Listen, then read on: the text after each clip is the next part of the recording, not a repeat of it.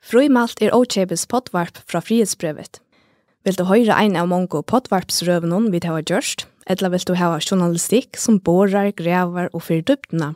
ja, så skal du være haltere av frihetsbrevet. Og det er du av frihetsbrevet.fo. Jeg spør ikke vi at man setter den fem flasker av bor og så sier man, jeg så skulle tømme av det. Det er ikke godt konsert. Det er veldig luftsfarlig konsert. Det er Ja, ja. Er vi det nøds? Vi det? Vi borde bli enda parsten vi har sunnje til Lokko. Ja. Ehm, det nekvar årsvekkel til det. Jan Lamma og Gjør har føringar det. Vi tar ikke sunnje for gjennom redaksjonene. Und Leutstein, du har förenkar det. Mm. Sunk det for här i kring hvert beför, ja? Uh, nei. Nej. uh, og som hes nere potvarsperen, uh, det heter pottvarsper kommer ut, så fyller frihetsbrevet 8 år. Allra. Henta frutja där inte henta pottvarsper kommer ut. I rockne vi att det är faktiskt som uh, inte att locka på någon. Ska jag flytta det vecka? Ja, att det var i minst minsta läge av flight mode alltså. Um, men ja, jag gick till nästa syns att locka för Men vi det är det lika väl. Åtta år är färre. Vi, vi tackar Och tar ett sätt till för en halvtid vi kommer säga. Jan Lammake, eh, journalist i Frihetsbrev, hjärtligt välkommen. Tack för det. Tack för det. Hur du det gott? Ja, då. Ja, men dock vi Det är gott det alltså. Ehm, vi skulle ju ha mannen det. Nej, har det, vi jag har det. Jeg spyrir til folk som kvar kake i munnen, til kjelit. Ona Løydsen, du er ikke kake i munnen. Hei, du da godt? Ja, det er øyla kakko kakko, det er det beste jeg finner alltid. Ja, men varst du kvært, det er, altså, Kiloprus er et Østanbylias av rakni vi, tog at jeg var i gauma godt i det, og for å kjeipa sjokolade. og så sa jeg at her stod en ostakakka, for minus 50 prosent. Det alltså at det här store borste som stender her, kostar 125 kroner. Okay.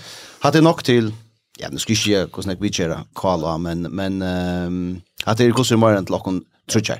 Og vi var bare trutjer i det uh, tog at her kom et, et av på uh, stod där en uh, vi trutjer rekord og så så där. Ja, så så där. Det är plats för tog. Jag blir sjuk rätt tog in till det. Ska vi tacka det kjelja först? Har det varit shooter av cream och... Ja. Och vad Ja, ja. No. Jag tar några det här. Sen så igen. Okej. Ja, ja, det är hatt av norsk tid. Mhm. Jag har haft några. Nej. Bänka på bord. Du är nog så du är nog så måste för först stä. Du är nog så så ju rätt. Vi köpte det direkt. Nej, vad sa? han? Jan Lars. Jag har inte några några sugar där men i alls ikke kan alltid snus ju sin. Ja ja. Det må det må det er tilvære som har. Det har till familien alltså. Det er så vidt det er så vi vet att det det to og Jakob Vestgård er då i familie og og han er en kongress när det snus det har till alltså. Er det ja? Ja. Jakob Vestgård og mamma Janne Schysnabel. Så vi det där. Ja ja. Altså Jakob Westgård og mamma Jan Tove. Systnabbe. Systnabbe, ja. Så er to og, og, og hin Jan Trymning, ikke? Ja, ja, ja, ja, ja. Det har vi ikke omgang til oss om. Ja, ja. Helt shit, bish. Det var fint. Plus, plus det, plus det, så... Hins ju av familien, det är till Östnjös har fyrbrikt. ja. Har mig chans crew. Till Östnjös har fyrbrikt. Det är hin familjen. ok. ja. Det kommer ju Ja, det er... Ja, det er Østnjø. Det er det, ok. så... Vi tar um, et annet fyrbrikt som vi tar oss om i, i frihetsbrevet uh, senaste viknar til er uh, det er firebrygte Nardos, enn den her samkomman her. Det er jo vi tar just Men nu tjekar ein vi tar koka sintra suppu på det som hendur her. Og like, det er ganske er som har koka suppu på det her i frihetsbrevet. Jeg halde det som formsligt har ljobbrot uh, ur uh, fra samkomne. Og det er, det er så mykje, ikke man kan si elsverdig, det er at det er ikke ut altså man kan få inn og lusta, det er alltid er, det er sinte som affæra att rota i skytten det skulle jag fallt Det, det ska lucka sägas att samkommer i förrjun i röver här vi eller framkommit att det kommer att det här vi kommer fast för att till 14 46 till att bli att det klaxvik tag upp alltså här upptöker vi Victor Danielsen och såna kallar alltså han tar tar väl såna lackplattor då. Okej. Så jag hade faktiskt fram det samkomna ofta vi reda fram det och det är det alltid stadveckan. Det går då. Känner jag på sjur då. Ja, det gör det. Och och är alltid att Det er tænner lukka som, uh, tænner lukka som, at han høyre er og at det gjør at det er resten vi at jeg mystifiserer nøkker ting, um, og jeg fær så, nu reglelig inn av heimasynet, tja nartos og, og lustig etter tog som det bærer fram her. Røtten av øynon.com um, Og senast jeg var inne i A her, uh, ta fikk jeg, uh, jo, jeg bare synte glad. Ehm um, lagt nok bara lukka høyre her. Det er er uh, eldste bror uh, Hatler Sørensen som uh, som talar her. Halleluja, det är en underfull löta som vi skulle vara samman. Och man skulle tro att det är skriftlärde och en det som skulle göra sin dig att han var en Abrahams soner. Det var iver hövers Abrahams sinner, men hesen här i yker och senare hos boi som var av 6000 demonon. Han var en Abrahams soner. Och för vajt om Barbara Holm är en Abrahams dötter eller om, om Roland Våg är en Abrahams soner. Det vet vi inte, men Men jeg kan se deg en ting, da Jesus møter en menneske, så er det ingen dæmon, det er ingen journalister, det er ingen skrive som kan stekka Jesus. Han ryver det sånt og sammen, og så setter han mennesker i frihet. Takk og lov, prøyse. Ære vil Jesu navnet. Mhm. Ja, ja.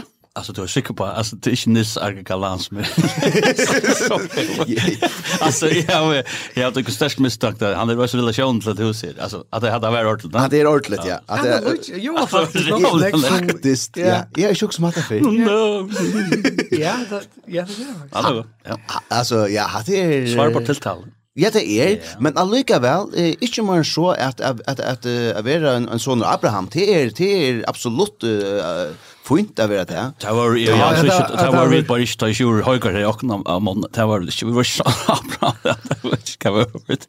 Satans pack. Det var det ja. Ja och ja, det var helt annorlunda. Ja. Var är inte bara på jakten. Det var på jakten men vi var satans satans inkel eller satans pack. Och du skulle du var bien om att vända om till en klotte, ja. Eh ja. Men men han lyckas som i allt han lätte Ivan komma och kom till goa där Hattler hade Sörensson alltså där. Han har inte... Nei, nei, tvers imot det, en sånn Abraham, det er, det er absolutt godt. nej, han säger inte tvers en sånn. Nei, han sier at han sier ikke at det ikke var.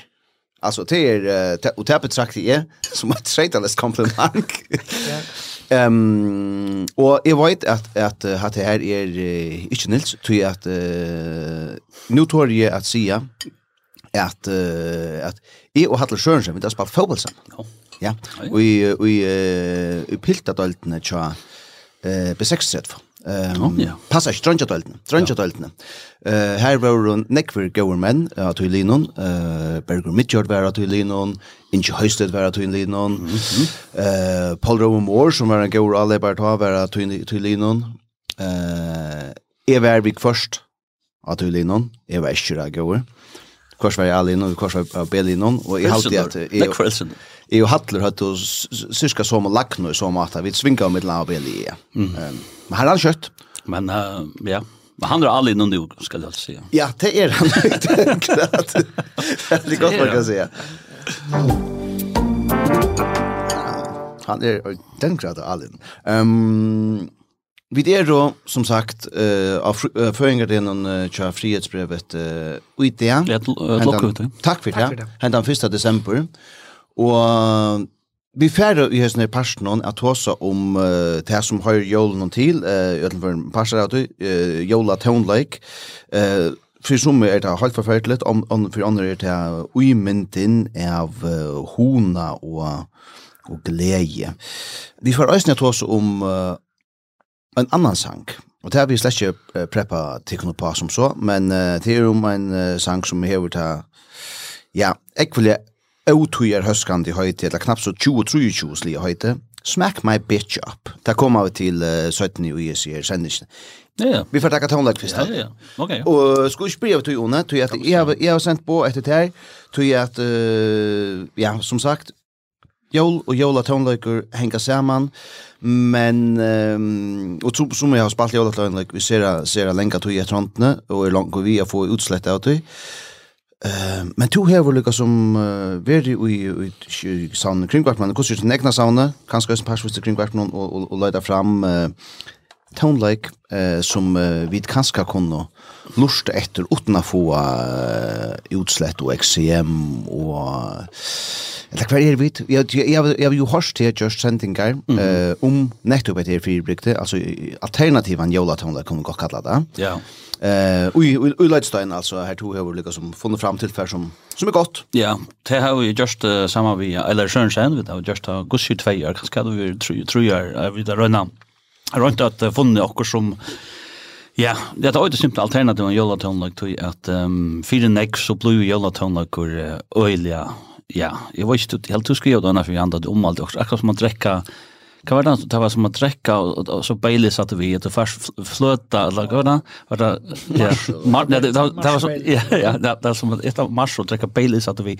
Det kan bli öliga sött och och bli öliga neck och och det är en sån chankro just när vi att det ska vara alltså det blir till det att det blir öliga det är något som inte ska eh ja uh, sköva näcka det ska vara öliga glatt uh, fördöjligt eller lätt fördöjligt og færa lättliga fram vi eller og, och det ska homo honoma. Mm.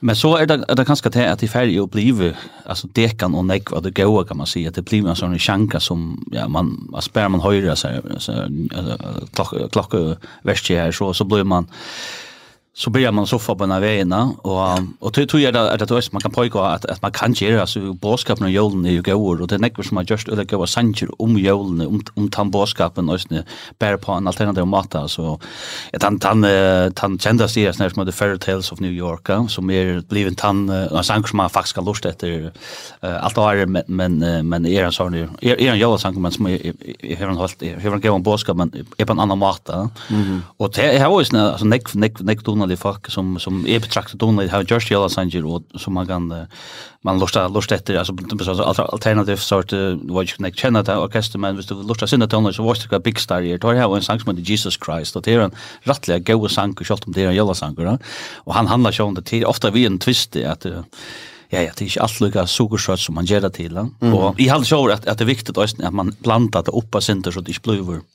Eh sälja eh vi hade månad då kring vart spel lukar som alla månad börjar första december så spelar man jollat online.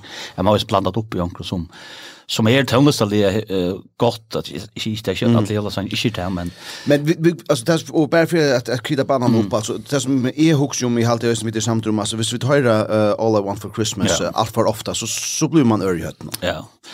Ja, ja, men jeg blir ikke over høtten, altså, og hvem kan det stadig køre, altså, uh, Last Christmas, det, det, ja. det er faktisk George Michael som, er, som, som faktisk er tilskrevet han sang, hvis ikke det er snakk for um, kom fram med oss dokumentaren, jeg tror alltid det var hvem, men det faktisk er George ja. Michael som er... Uh, George han just tror, hvem? Jo, han gjorde det landa, George han alt, da blir han var det nok snakk, så grann han de Uh, richly. Andrew Rich, Richly, ja.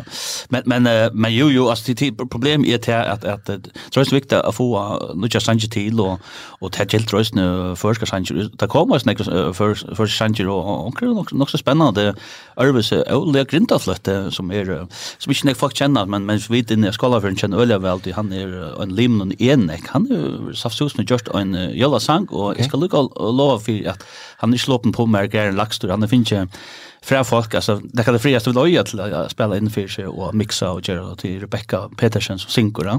Faktisk at utmerska och utmerska Jella Sank, han er går vi. Ja, det är grundat för Ja, no, no, han er i allt, jeg var ikke, halte han, kanskje var bara spart morgon, kanskje, först det, jeg var ikke inte halvt men... Tack dig med höra. Ja, men, men, men, men, så det kommer oss nu, men, men det er att här vi att, att, att Oli Angafløtt i Øsne, kan du brødde det, ja. Eh, til at du nevner han i samband med Enek. Han er Øsne i eh, Chant. Eh, han spalte vi Chant i Farneviko. Eh, Sammen vi, ja, Tils og Bøkken Kjens Davidsen, og så var James Goodwin og, og Ja. Arnold Ludvig eisne, eisne vi här men är inte han vi tog i konstellasjonen. Men vi ska jag skal komma med noen boven her, ja. på en fantastisk uh, alternativ jølasang, så er et orkester som heter Low, som er eisne sort røde the India Kester ur uh, Minneapolis, i Minnesota. Det är en som heter Just Like Christmas, lust til tusen någon till er en uh, rock-sang, men altså en fantastisk hera lukka av en jølastemning. Jeg hadde Tanjali Liam Gallagher som heter All You're Dreaming Of. Han kom ut i alt i øyne 20, og han er østene supergård. Sufjan Stevens hever han over en som heter That Was The Worst Christmas Ever, og det er vi en twisting, kan man si. Så, så hever, altså, ja, Cocktail Twins tar jeg sånn tolking av Frosty the Snowman som er gård. Her man teker en gamle travar og, og gjør en liten twist. Det er en sånn eldre sang for alt det nok til fra forsen, ja.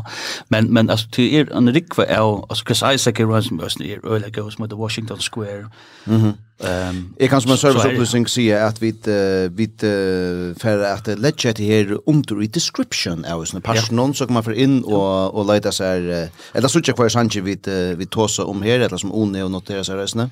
Ehm er, är det säljer her uh, plater, jola plater som tidhalta er gauar, og kanskje mye tid å uh, hugsa til om, uh, så er vi hoa koma vi øynon uh, boi oppa, altså nekka som jeg alltid er oalmyndelig jola jolatannleggere, hint from the mm. Tøyr hava just eina eina jola plato som er halt og fatleg. Ja. Han han er er han i grund ikkje tryggvant det altså. Jo, han er østna ja, og han. og tant boskaperen uh, kjemur øyla vel og jøknun, altså ein ein ordliga Eh och nu ska jag inte vara att han som som fortäller vad det är rätt och och ska efter man tror men men till en en öliga lite dömande och en ekvilig inkluderande eh boskaper som han borrar ju ut ut ut texten alltså och det är inte bara tryggvande. Alltså det är inte bara religiösa texter, till ösn religiösa texter. Han har en av de fav halt som som att det fav inte ska ske det fav men han går sig öns med lag mest tur öla väl bitch brick för mitten.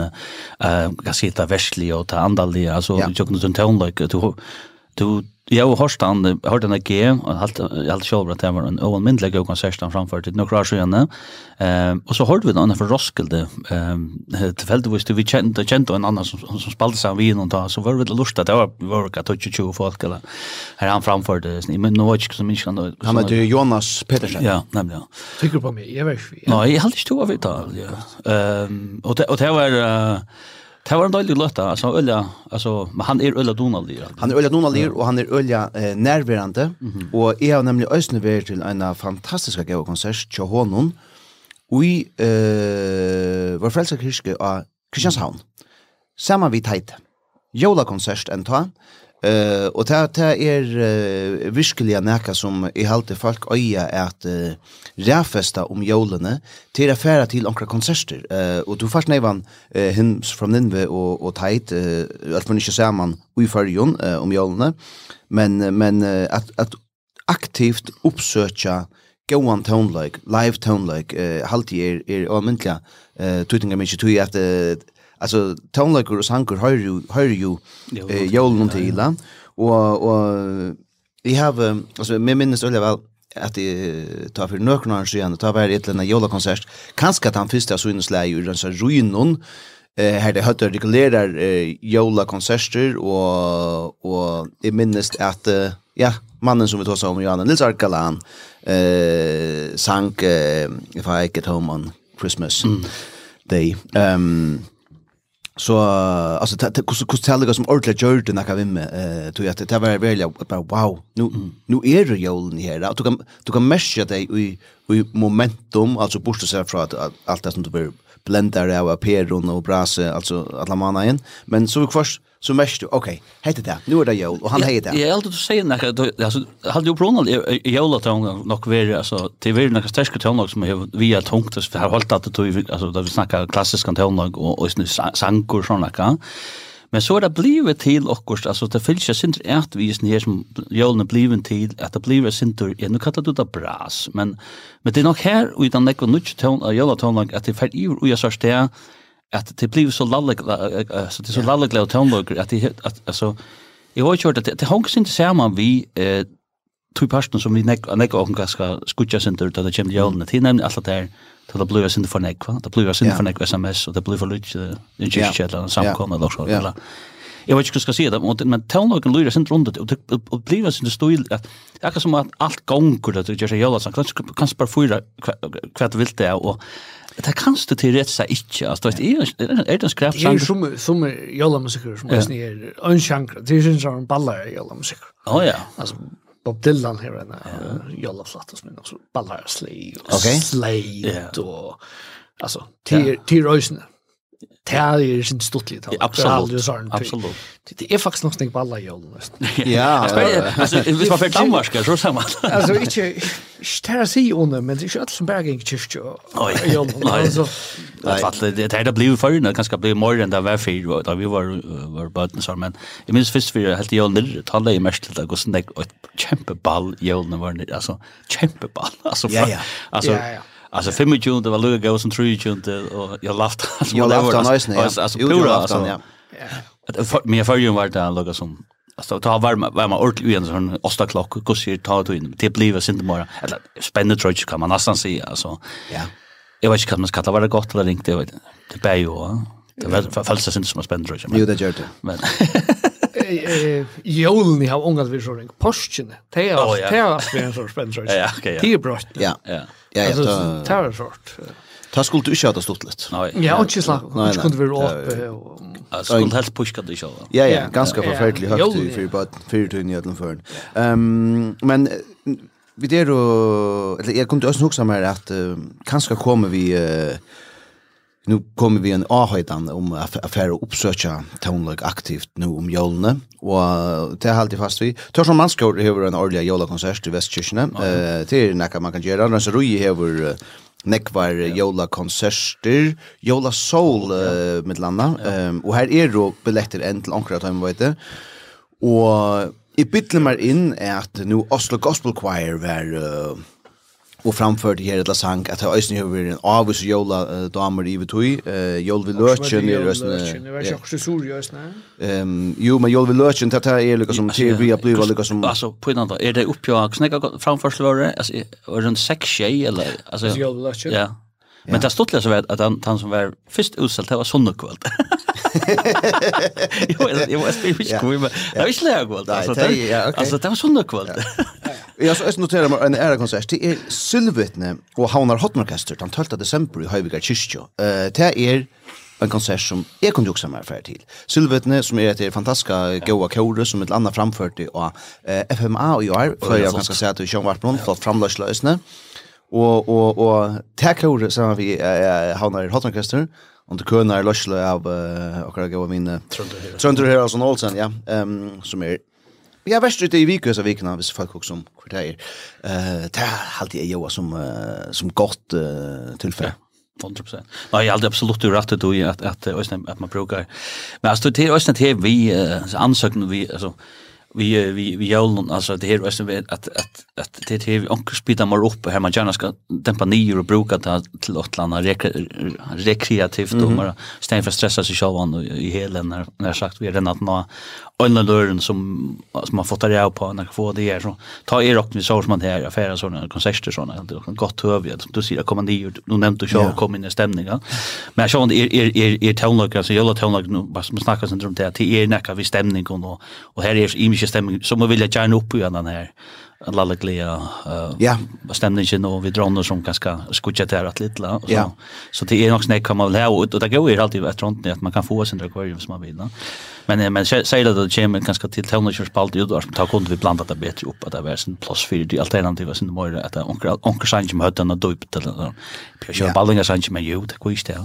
Jo jo och det som är en en en väldigt ju så matta som näkras ner sank någon då nog så väl att att sätta orra och läs upp för det här att nu trots av video om jolen som en en goa och hon har lärt men det är alltså inte jag jag ödlan folk kunna och här hade du alltså en tone like och av sig sanj som kunde eh sia eh, när kommer att det faktiskt är också eh, trouble to each channel från folk kunde att det är samband vi att ha mist eller eh alkoholism och och och och och annat alltså så det är inte sätalest honalest och här är eh tonlagrunnet gott an på en en sista jag vill väl jag vet inte om jag färger här men men men men men suspekt eh tøy hava tøy ikki just ein en jola sang danske hiphop but suspekt som hevur spalt á G-festivalen og og og og Voxport ja. Nei, det var Tørsfest var det. Ja, okay. Han var glad. Ja.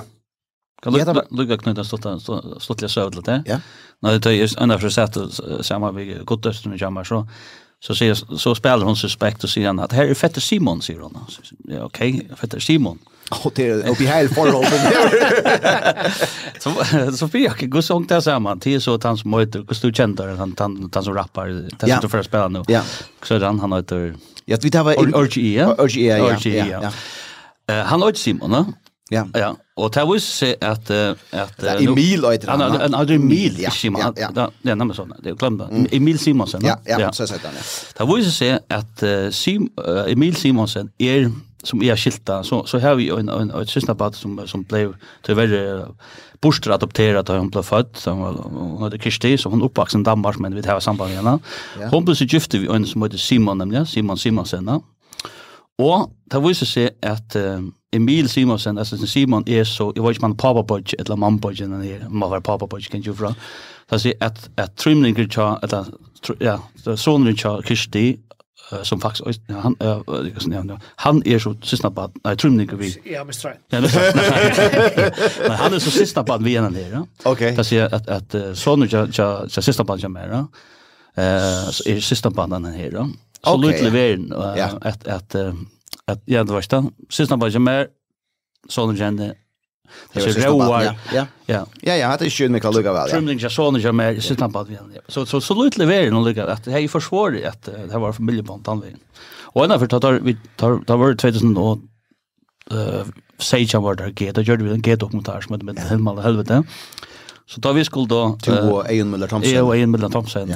Ta vi skulle lukka som få godkjent jo ikke suspect så senda vi det til en, en danskar som texter av til tog, så helt det navnet John jo er reelt kjent. Og så han så gifte vi Petsi Tvørfors, som, ja, som vi kjenner det. Altså det bare, ok. Men så er det hunker, vi er en sammen, og, og jeg har, jeg lurer egentlig nekve vetter et suspekt, og i minst til året jeg var av Røskulde sammen med film. Ehm Så varst du vita vi, tar vi mötte honom. Eh, vi kom gängande det då solen bäcka, ja. Og, og han stod her, i, i Emil er en øyla veltsenere av meg. Uh, han, han vener nekv omfram til Sintja. Og han stod her, i, i tom, smast og eller minst og uh, kjørsen i nærkant jeg å. Ber en iver kroppe, og jeg har ikke lagt mest, men han stod oppe, og så såg noen folk rundt om han, og så råper han ut til vi lykkes passere. Du det! Och så pojkar nästan att brinka där kommer. Så, så, så blir det klockor och så blir vi eh, starstruck och om, om så mot huset sen. I skal med og høre Benal senere i dag. Det blir den sygeste koncert. Um, og det gjør vi så ikke av omkrar Øren øvransaklige i årsøk. Stor foiler. Kjempe foiler. Du, det var en garvet konsert. Vi har lurt at den fløyer fra YouTube. Precis. Ja. Og sånn er det kjent oss. Ja. Han kjente til Nei, det kjørte han helst ikke. Uh, men, men jeg, jeg vet ikke hva det kom fra, men, men han rønte bare at, at og han var selv av paddelen om takk kveld, ja. Så han rønte bare hypa folk og få det. Han er øyelig, så er sånn her. Ja. Fetter Simon. Uh, Fetter Emil. Ja. Jeg blir Simon. Um, Simon og, uh, men lukka mykje, vi kom at den er så speksangener. Uh, til er, til så, den grad alternative jolla musikker, heita snurr seg om at, uh, altså, etter, etter fullt, og etter er, etter er, etter er, etter er, etter er, etter er, etter han har väl som bolla Jomfru Marie och och och till är liksom uh, sort här. Vi vi Louis de Brot eh uh, jag vet inte hur snackar vi då låt så. Ja. Ehm. Det är så tar sjukt som sitter i studion någon. Eh, shorts tror jag. Ja, klar. Och nu kommer så. Ja. Det bitet till Sanchez shots som tar det här var TJ. Kostar Luis in the year. Och så är det att uh, han freestylar, eller freestylar, men rappar för time för fyrst för, jag kört det för. Ja. Op for mig sindssygt som folksbarn Jeg skal have fri gløk Og en hånd op i røven Julens kondisør Jeg stiv hele tiden Når jeg drikker shots Rør jeg er på sofaen Med brun kær røvhåret Vokser ligesom øjenbryn ja. Brun er ernst Ja, jeg tar At jeg er færdig Så jeg tar At det er øl At det er øl stått litt At Øysen sutt Jeg tar Liga som omiddelbare reaksjoner På at det som kommer ur Ur munnen Og Emil Det er nok så Nok så vulgært, uh, nok så nekva av, av tøyene, men det er uh, øyne en alternativ jolasang.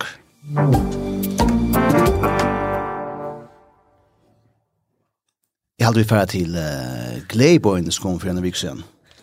Um, Gleiborn om uh, gavene som lista seg om førje i Finche, tog at um, Seichan, Mykinesmålningar, eh er kommer åter til förja. Ehm tar hava ver under privata varvarslo i i Danmark.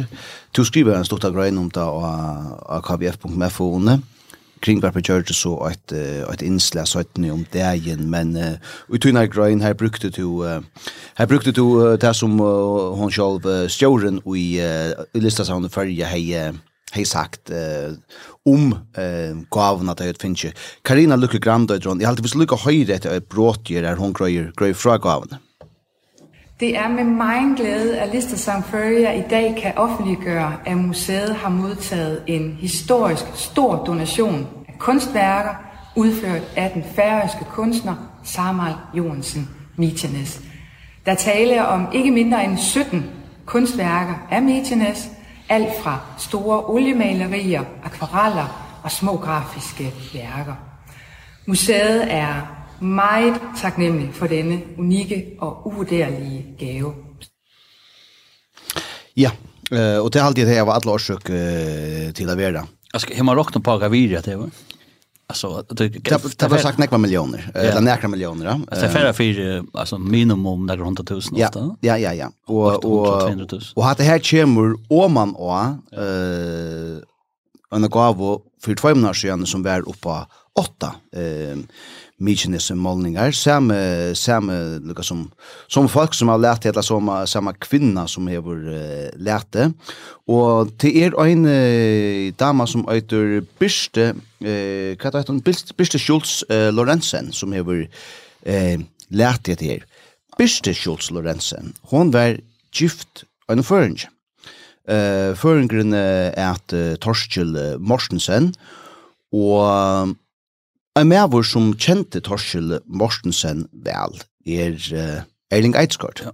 Erling Eidsgård, han er... Uh, Så kan man se om han han är tänklig med för showalde och och show ju det. Ja, nämligen alltså det som gör gin och och akvavit och är halt inte att i sig för nek vis sig att Erling Guidesgård är en av de favo i samgången som som skynrar sig inte i löten alltså hit ser ut som uh, att det ödla minst av en sökande skoto och och men han också vekna han hever en sitt shine halt i alltså han hever markerar sig på ett annat Norrland och annan och är nu i i og i i örnon sammanhang det är som social mil om visar han at att då att att knalla till. Ehm till nok så stort det særlig han er uh, en nutcher med över i uh, så jeg så. Ehm men han kjente så är han är gå att og och ringte ringte till Erling för att um, få henne fortelle okkur, hver er det sånn medveren her? Du, at det er Torskjell Mortensen, som hever um, kjøpt med en person av oss nere uh, Mykinis målning noen, han og kona var ølja uh, lista av hoa, og så til lykka som han øyer sin større lot og gjesir samlingene som hon så lette borster uh, av nu. Lett han høyre kvekka at Erling sier om Torskjell. Ja, Torskjell, han var, uh, han var føtter av Tvørabakka, Tvørøyre, og han, uh, er, han var sysna mann i ommemøyna, Mamma så var väl hon hon var i Västergårdsland av Ökron som långt om man bor i fra. Och han han var till vårt fysiska Og de miste papan, de, de torsel var smadranger, og mamman hei så, så hei en pensjonat av henne tog, av tvørere, til realskolen nærmere med landa, og appen min bo forresten eisen her til han kom så at undervisa som vikarer, der han, han var ønfringer, Eh, Torsten får ned til Danmark, 16 år gammal ganga student, og så ble han sett ble han og han møtte så så her eh konene som nu ankene som nu donerar eh, målningarna till eh, dessa skalan och det var skärman från från i halt fra studentstøyene, och helt till han døye i 2006. Tu men um, hese målningarna er vars tu hos han hevur uh, finnje fætur i taimann?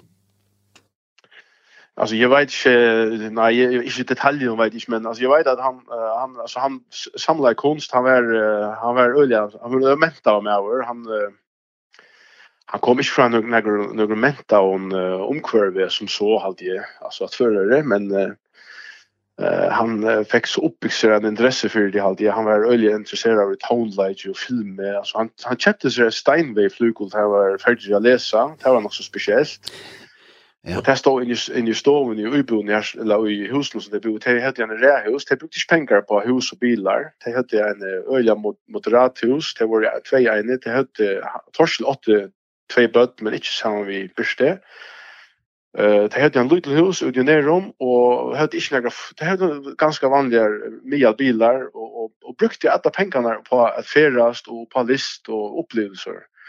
Och han kjøpte nok nok av målningar fra Mykines Sjolvon og, og Karen eh, konen i Tjono og, og samla i annars. Han, han gikk nok av av framsynningar og sånt, og kjøpte ta, ta det var mulig. Han og byrste samene. Men det var mest han hadde som, som drev seg her Mykines-samlingene. Han var øyelig ivrig Mykines-samlare. Han var uh, purast vekk i, i målningen til Mykines. Hmm. Og, og, og du sier her at de, de brukte penger på at på ferrast og på list men men uh, levde annars inte i, i sus så du så att är häftigt med vi att att att du ser han var lagt nu och hon hon har ju också gott starv och och har blir väl lönt här. Ja, det var det var något speciellt. Alltså han han var lagt ner och arbetade ja, så lukket til han døye som lakne, og, og kjente ikke han det tar pengene som er lakne tjener, og hon, hon var advokat, og hon er jæslig øyne godt var personer i en fela här inne mitt i byn och tätt vid Kristiansborg och de hade de hade några de hade några pengar och de hade en litet hus, rähus ute i Nerom som var kanske vad det är halv andra kvadratmeter. Och här bodde de fra tog de tog de var färdiga läsa och inte han. Jag hon hon korsade flott ur hem husen och Edelsheim. Mm. Alltså det det var nog så bevisst att alltså det brukte inte pengar på så så, materiell ting. Det var mer på på upplevelser och, och konst och och det ja, livet mer än att en en en hus och bilar och båtar och sånt. Mm. Och och typ i skalt där var centralt mån så så så var det tid alltså tid kändes väl lösning. Ja, alltså jag jag jag var upp på Tvärö så det och Og omma min var uh, sysna bad vi hentan ned til. Vi halte omma var en uh, man har kjaveri en 18 år eldre enn Torskjell til til halte nesten. Det har vært et, et, et generasjons uh, låp her mittelteipeie. Ja Og jeg minnes han helt etter fra at vi gjør smadranger. Han, han kom alltid hjem til følger om sommeren her, og så kom han sover, og så bor jeg her til om i Abbanen og tippen nå, og de hadde klaver, og det var, jeg minnes det, han kom, så, så spilte jeg han, han, han var en øyla donalier pianister. Jeg halte det henne jeg gjør, han hei, han er lagt sig efter att uh, spela klaver till han skulle være kirurg och två att han skulle fingrene være senere. Det var han var sin praktiskt anlagt och han er gick til klaver och han trodde jo det godt å spela klaver. Han spelade klassisk musik där jag var hemma. Så allt hus och rist och allt grannale i hørte det. Han var öle farbruk personer, han uh, leip opp om stakett och han tömde inte öppna Sånn, og det och han, uh, så jag meg å være en gammel med och mun egen.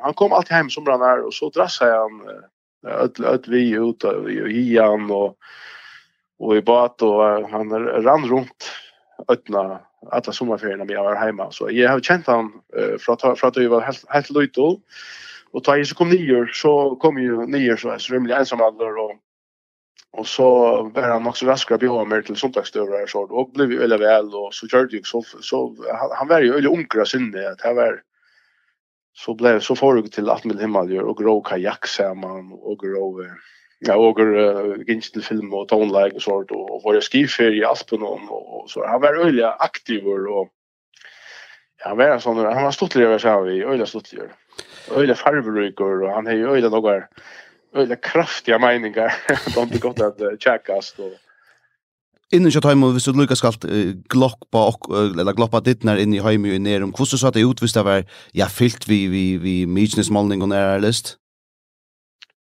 Ja, men det var det som var nok så spesielt, det var det var så ganske vanligt uh, rettjehus, og igjen er, han har sånne groa rettje av, av nokko rettjen her nere om, men det er huset, det var, det du så åpna i horna, så var det bare, det var, det var målningar fra, alltså från från loft loft till golv var det var det var inte en kvadratmeter av vägg som inte var uh, tapetserad och i målning gång Kjolti Chatlan hinge målningar, öll kömrene, det var allt målningar, alla stedene, og i stovene stod så, så et flygkål som tog cirka 30% av öllum arealen, så det, det var, det var øyla, det var øyla nok målningar, det var det, var det, vi i snusen, så det bor jo, som var, det är ganske vanligt i USA, Ja, borste seg fra tog.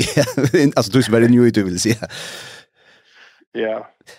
Du... Altså, jeg råkte inn i halde vær sikkert nok så nok mer verst enn en Kjolt hus. Jeg halte til høyte fjørde misjonesmålinger, og det har så donera seg 25 til nu va. Først, først var det 8, og nu var det 16, han sier. Mm så hørte det en rikvi av Ingol var reine målning og neisne, hun var så øyla glad for Ingol var reine, så hørte det jankran fra Anker, Skagenmalaren, og det var, det hørte, det var øyla, det var øyla samlare, at det hørte en rikvi av øyla fyne målning som det, som det samla. Ja, en uh, litrygge personer. Wow det är cool. Ja, det var väldigt cool. Bara bara bara Steinway flygel. Alltså det är ju det är också bara när vi snackar om en miljon plus. Ja, ja, det kostar om en miljon nu det. Det var ju det var vi näka billigare ta men alltså alltså listen ja ja jag bär i Ingolve och att la mig så och Ingolve. Men ja, vi vi Men det är no till ju ute så Alltså, hvis man blir naturlig ute, så misnes kanske inte kostar så mycket. Vi har alltid, jag har faktiskt jeg har faktisk, Alltså det är ju alla underskriver som mycket nästan. Som är, är bara Samuel Johansson. Så ta kunde gå upp så. Men ta ta ta vit vit vit vit kokar vi ta säg Ökron och Västergård. Alltså vi snackar om dem Jakob Västergård det är på en slags akrar. Ja, men närmaste familjen. Ja, ja. ja. Det Ja, han har på en slags attabondla. Sim akrar. Ja, ja, jag borde för just så på arvär. Vi tar. Ja, in. Ja, jag som det som så kommer. Men det gör alltså det gör öliga att det är att det fantastiskt gav gavmilt, må man säga och så första intrycket jag hörde att höra han fortälja att pengar har nog inte varit issue här. Alltså till att här är några miljoner som tar och ju bort och här att ja lockte det få nek folk det som har sälta det så det var ett land här att man här och lyssnade i skott till att huxa där att ting, sig vad ska det här har høyre med fyrjuna, och Men alltså du vet så jag hörde dem då hörde då när det ju skuld fullt av ören och moln som man så alltså. Det är det som ingår regn i rösten och pengar vet du. Ja ja. Och skakenmalaren är nästan anker och jag var ju vad jag han han har nämnt att han hej och bött nice nem. Han stod till söva bara bara fortälja så då kom tankar om att det är vi då med ögon så när kom målningar som det eller arva det. Och när så så nu jamar på det hompa så ut i Österbro Köpenhamn och så var det sort garden party och han som helt garden party han är simpelt en bo ju en kämpevilla som var gamla huset tja alltså huvudbibliotekaren och boka huvudboka var nu Chapman on from back in the day alltså vi snackar sån och han först nu andra tal ta det var en öle öle prestigefull uh, prestigefull arbete ja han är byggt i husen og snefyrne hei pengar røsten til, til, til han arbeidde til Vestas og sånne. Han visste man rundt i husen, og han er innrettet av, av trutjer etasjen, man innrettet av alltså så är man på nya stopp ut där och så. ja. Så heja ja så heja han så så så visst han var in här och simpelthen ner boga och heja simpelthen haft egna boga sound och heja man sa alltså han är så varvvåt där på nacken man sa boga då istället ska det boga sound är väl og hei simply first edition av den mølen boken, og så da han døy, sonen hans, han gjør, han bjør ikke arbeid nekka, så han er bruk for penger, så får han bare opp, og så tog han en bok, så seldi han, altså hei han 300 000 kroner, livet fyrir, og så, så simpelt han sier det, han sniff fyrir, han har bjør ongan i arbeid, han tog simpelt bare, akkurat, hvis man arbeider så hus med det, så tog man en, en målning her og her, ja, ja, og så arva husene, og teg han så finnes jeg, og så, men, jo, jo, og en mykines målning, det kan kjøpe et årsverk altså, som du, og så, det så, så, så, så, så, så, ja. så, så Så, så det är bäst att lilla liva sådana. Alltså men det var öde speciellt. Ja, men det var ju som en en ekvilja litrycker mäveris ner alltså maten maten Erling Lusan på alltså han kommer åter till förra. Jag måste säga så syns inte att han ju oss sjön nu är man kona som är han och men det tänder sånt tar man till att det är att det huxar sån tankar tar vi tar vi dock nog fram till ett hemma jag har en video på alltså jag har ju själv en bitchen små några för för min 100 200 000. Ja ja ja. Eh Och det är och, och till som business och så kommer in Calvert att säga och och han är också en Jesus så han målning tja eh Anker Mikael Anker vet du han ja ja. Ehm som måste ju vara det neck för neck för neck. Hade var alltså förrän hade var bara business va som Ja, det var bara business som kom som kom hem nu och som vi är sucha i i lista som förja till till vars alltid det så att. Och fra Mykines til The Prodigy. Jeg vet ikke om det er gjort for i, uh, i heimsøvne. Um, men um, hva kan vi si om, om uh, The Prodigy tonelaga tånlagerbalken? Um, en uh, indus tånlagerbalken er her. Ja. Jeg har hørt her fyra eller fem ferier. Første var under 1955 av Roskilde-festivalen. Og okay. Det må jeg si akkurat som er at sjoldan jeg finner en sånn en man sier blow your mind opplevelse til at vi var og Jan var og, og Roskilde året og vi kom ur Ringas arme for, for, for, for heisen og Og vi var redd at man er ikke gang født seg ordentlig, og så kom vi ned til Roskilde, og det var sin tilvild, det kom vi i alltid, jeg halte det ikke fratt fra tikkene de før. Ja, det gjorde, ja, ja, det gjorde det nok, altså så hekta på det er 25 år jubileum i Roskilde Og det er bare den skrajen som som ikke, inte inte vill teachen alltså alltså jag kan be rex upp alltså REM och Bob Dylan och Page Plant och var, eh jag går var, Oasis och Blur och var Sinead O'Connor över Sheryl Crow över Här var um, ja, var Cranberries, oh, yes. Massive Attack, uh, Tricky, här var yeah, Prodigy. Pr Prodigy och alltså jag vet inte kom runt där så tar en show word uh, Jeff Buckley. Jeff Buckley var det Ben Harper. Ben Harper och All right, we get the point, we get the point, ja.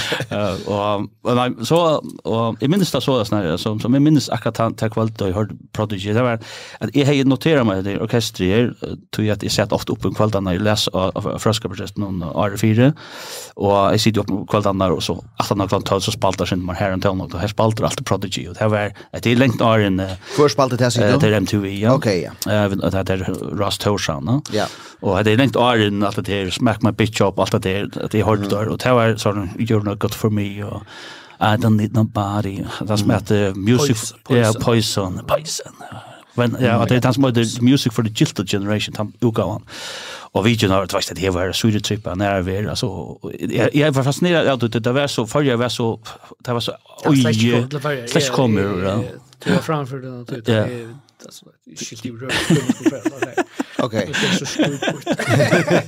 Nå, men i skulle höra det här och minns det faktiskt. Jag var ju om det passar eller om det bild mer in men i minns det som i får vi för för en konsert så gain ju rätt nu och ska ju till ska ju till prodigy. Jag var ju om det var akkurat kvalitet. Jag steg chulik och så stannade hitche eh at det orange battle battlen där och att Bob Dylan spelar. Bob Dylan spelar. Så det är lustigt Bob Dylan lätt. Nej, jag ska jag ska jag ska the prodigy. Så för vi är ju han.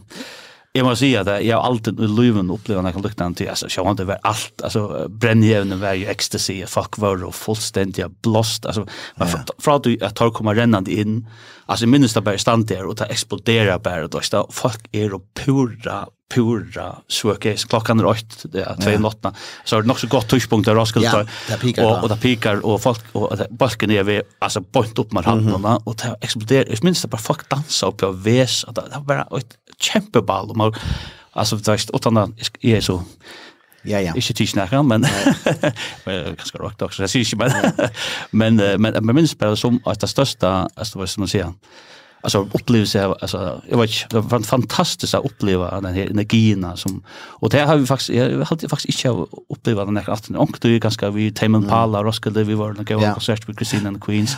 Hade Jim Hardy men det var bara jag hade det här vi kommer från vi kommer från såna tungar tog i för och bara puff och väckre vär och tjej 80 grader att ladda innan. Danmark vurser för sin bästa förrjun. Alltså, det var, tandfestivalen var fantastisk i matlamåter. Ja. Och här till jag vill säga att, att, att, att Jan och men det var Jan och det var präster tror jag vi. Det var, det var, det var, det var, det var, det var, det var, det var, det det det det det var, det var, det var, Det er rett. Lars det på. Jan Lars Jekvans som prestor tar test test det tar kvar som test. Vi var en hela vecka så kvar som vi kan jag ta ta tatt på någon lång ni. Lända så låt tält allt ni. Du kan sunga på några du kan fötter ut eller så Det var fantastiskt. Hörde du Du med här över vi hade vi nu ju under 55 och nu ju 125. Ehm tar det så att tar komma vi en en Plato, uh, og nå minnes jeg ikke hvordan platan øyter, men... Uh, men uh, i etterfor en atøy platan er uh, en sanker som øyter Smack My Bitch Up. Og tan sankeren verur uh, bøyna vegin uh, bannavur og MTV, uh, og BBC, uh, så ytter ösnen för att spela hända tog i att uh, man mäter att att teksten är så grovor eller vulgerer och och ekvislier och ehm um, det som ösnen jo, BBC säger att altså, alltså det velger likevel å att spela altså alltså å si utan sank eh uh, ved sangeren spalter av BBC eh uh, och sangeren är uh, ekvelia nekv debattera vår uh, sujane, tog jeg at uh, i halt ikke man uh, nøyest at du var så øyla vel engst for jeg sier, skilja at uh, smack my bitch up. Det er ikke sånn, fat of the land, sånn. Fat of the land, det er ja, plata nøyde, ja. Men at, uh, at jag säger att här att han linjen här är inte så öjliga korrekt alltså det kan läsas öjliga uthörliga eh och och och och tjejsne kvinne eh kuande Ehm tar här var ju av som för hon um, man kan säga prova förklara sig på juris ner. Men uh, om vikeskifte hände så till att uh, tar spalto i uh, London. Og det gjør det der av Alexandra Palace, og hvis vi, uh, hvis vi lykker høyre og pikker litt brått ur uh, ur tui vanliga eh sanchen. Jag kan lukka läsa texten upp. Texten är inte så ølja invecklad. Jag gitte det då alla texten som man är. Eh uh, heiter det jag vet inte man kan sia ischingen men like this change my pitch up smack my bitch up change my pitch up smack my bitch up like this och så kör det om att ehm det är lika som uh, skallskapren och ges ner uh, förn här och blir a joa så ser.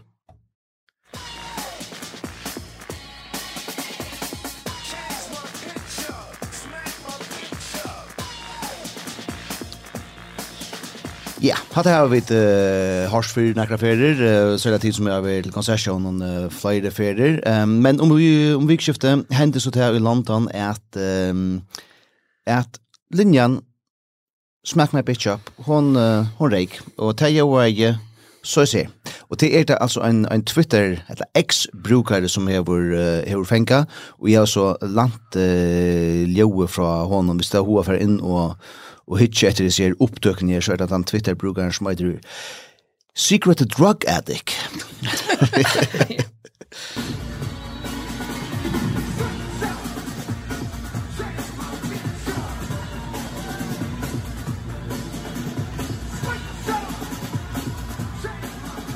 sier bara switch up. Ja, han sier også, switch up, change change my pitch up eller så alltså.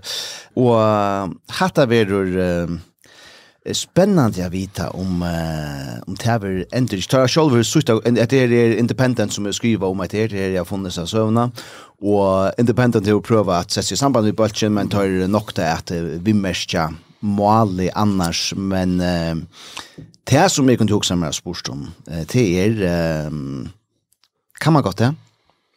Nu uh, 26 år sedan eh för in och Alltså är allt då gällde totalt sanchen alltså. Ja, ja, det. är. Och inte för när kan synch annars märkt my bitch. Fantastiskt. Så det är ju synd då vet ett kaffe konta ska jag ta den fisketra som man så tar för allt. Allt.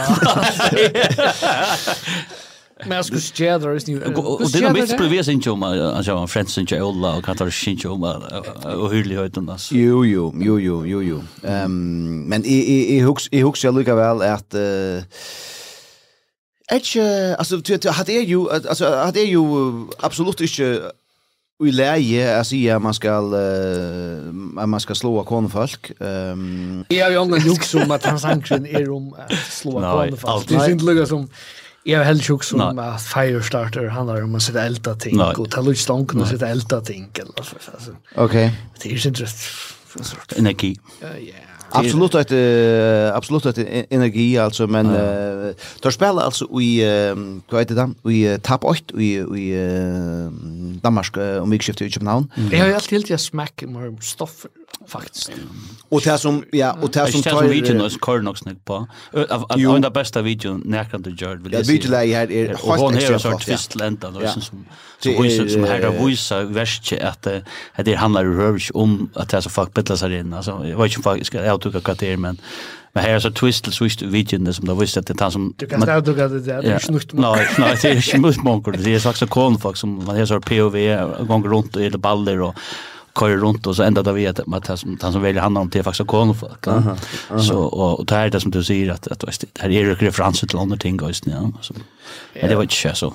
Ja, alltså sanget är bara typ runt energi och folk som onktus kan man inte tolka för nek nyr och sanjer. Man kan finna tröttla alger sånt det i alla ställen och fanan och hans pumpestad. Det som tar här var det som tar uh, kan tog in med landa har sagt är att at Smack My Bitch Up er ein ein holsan eller ein kvøa at det som uh, som ver kalla for uh, b-boy culture altså for for breakdance uh, kulturen og til onkar referanser uh, tannvegen um, til er lukka som vergerøvan uh, som han hever veri onkt i Det som tar Østene har sagt uh, i samråd vi in the, the Independent Fyr um, til er, at det er spurter om etter her, uh, at uh, is it art? eh spyr tar det tors og så sier det vi er, Yes, just about and a great deal of art is not pleasant. Was any woman ever abused because of the prodigy? My instinct is no. But how can I be sure? So, do I regret releasing a single uh, with the title Smack My Bitch Up? No. But I doubt that I would do it again. Uh, du spurte om det var, i jeg i sin, i halte nå, altså det som er, er, er kort ut ute det må standa, og så må man teka det ut i konteksten det er. Men er ikke det som man akkurat gjør her? Jo, at man, for, at man for atter og brøyder ting, så, ja, ja det sier han her. Men, her sier han, men så er han så... At, at for at, man for atter og texter tekster sånn, ikke?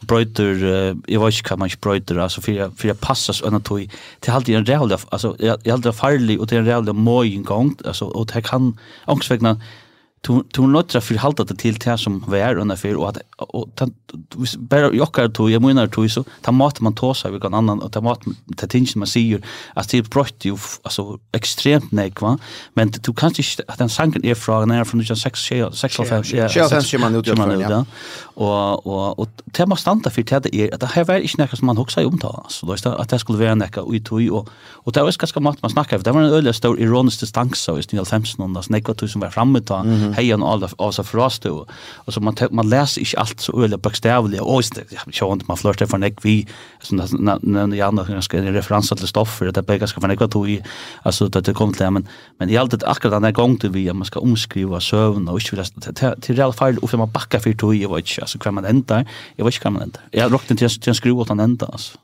i allt alltid att han har en utsökning här um, uh, som jeg leser opp akkurat nu, hon, mm. hon viser i alle fall en, en sånna refleksjon över, støvna og i vår sanchen. Og, og jeg, jeg sier ikke at sankaren nu er uh, endelig av brøkter, men heita vær kusser til som tar gjørt og nu tar spalt i, London farna vikskiftet, og tar spela som sagt i, i Kjeppmannahavn og i Tapp 8 uh, heita vikskiftet her, og er råkne vi at her vera Nekker føringer til det konserten, altså. 100%. For helvete, jeg fer nyer. Ja, hvorfor er du ikke? Jeg tar god til på det færre. Sprikkast det. Sprikkast det. Jeg tar denne færre. Jeg satt på at det kommer Roskilde. Ja, um, all right. Jeg Det var... skulle komma G, by the way. Jo, det skulle komma G ut 2000 og var det 8. Ja, han var och och och yes nu nu är det just att att han han skalt om tablay lukar som man syndrar man fläntes inte efter det man läs för jag dukar där tror att ta ta för ju om söndag då kommer ju men han informationen kommer för Jan till. Alltså kör för kurs med man har så show för annat den vikinga det, men det var inte så för Paul han körde men så det var så kom så långt att att att han helt att det var gjort då eller att det var i botten Och så såg det. Jag vet inte kan det kan vara så där han gick oss ner till allt där lärde nek allt det har lärt där nek han han hänt inte att att av onkel liv för allt det utan att det tar inte för ut någon namn och för till underskriva. All right. Tid Jeg halte at uh, vi da var jabba nok, vi tror ikke. Osta kakan, hon fær beste skossmal, gjør ikke? Jo, besta, besta kakan her. Altså, hon, var, hon er gau, og jeg fær i at, jeg har sagt det ordentlig før, jeg har vært jo i uh, Goma godt, vet du, han, han, han, han, han, og kjøpt. De køyre vi, vi kvart vi er sortering sjokolade, altså sjokolade som ikke er lykka pent som akkurat anna, men som er, smakkar øtl øtl lykka, og de køyre det for halvan pris. Og det var det en ostakaka som, uh, som uh, ja, kanskje ikke er, er lykka gau om, om tvær dager, eller i morgen, eller sånn, akka, men for halvan pris, og hon er gau i det, det er gau stuler, gau kaka. Um, hva bjør uh, vikskift kjøttikon, var det vilt? Ja. Det är Jolas Jolas frukost säsong det. Ja, jag har alltid jag har bruk för att lucka ta kan så så postar allt igen tror jag. Att jag var förra förringen jamar gång den chamar i Danmark och Jag tänkte bli att lov för tappa fire vi man är. Ja, men ja, det blev bara så törn alltså. Ja, men det är gott och så hade du du du tar så rock ju inte. Och la på den check kvar från resten fire fire vikskifte. Eh, jag tog fick deklarera sista vikskiftet du körde ju inte men det passar inte du varst och och vad jag göra? Det var mycket gott vi hade det dåligt. Ehm och nu är det vikskiftet vi framan. Är färdig till eh Danmark? Du får til Prodigy i Danmark. Kanskje? Um, ja, tog, jeg vet ikke detaljen enn, jeg er ferdig ångstan vi omkron ved folk. Ja, til det som har desember man er til. Um, og til dere, for uh, sørste ferie i dagen, ikke ja, vi tog inn det, men vi, vi frihets vi akkurat det. Uh, brevet. Jeg halte vi akkurat det. Um, takk for det, godt vikskjøte.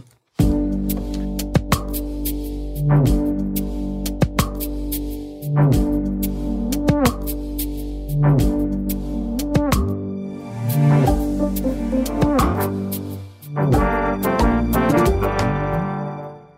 Hetta var eit ochepes potvarp fra Frihetsbrevet. Frihetsbrevet ger sjøver og journalistikk som er milar i fyrjun ikkje gjerra. Men for å lese eller høyre det, måste du være haldare, og det er du av frihetsbrevet.fo.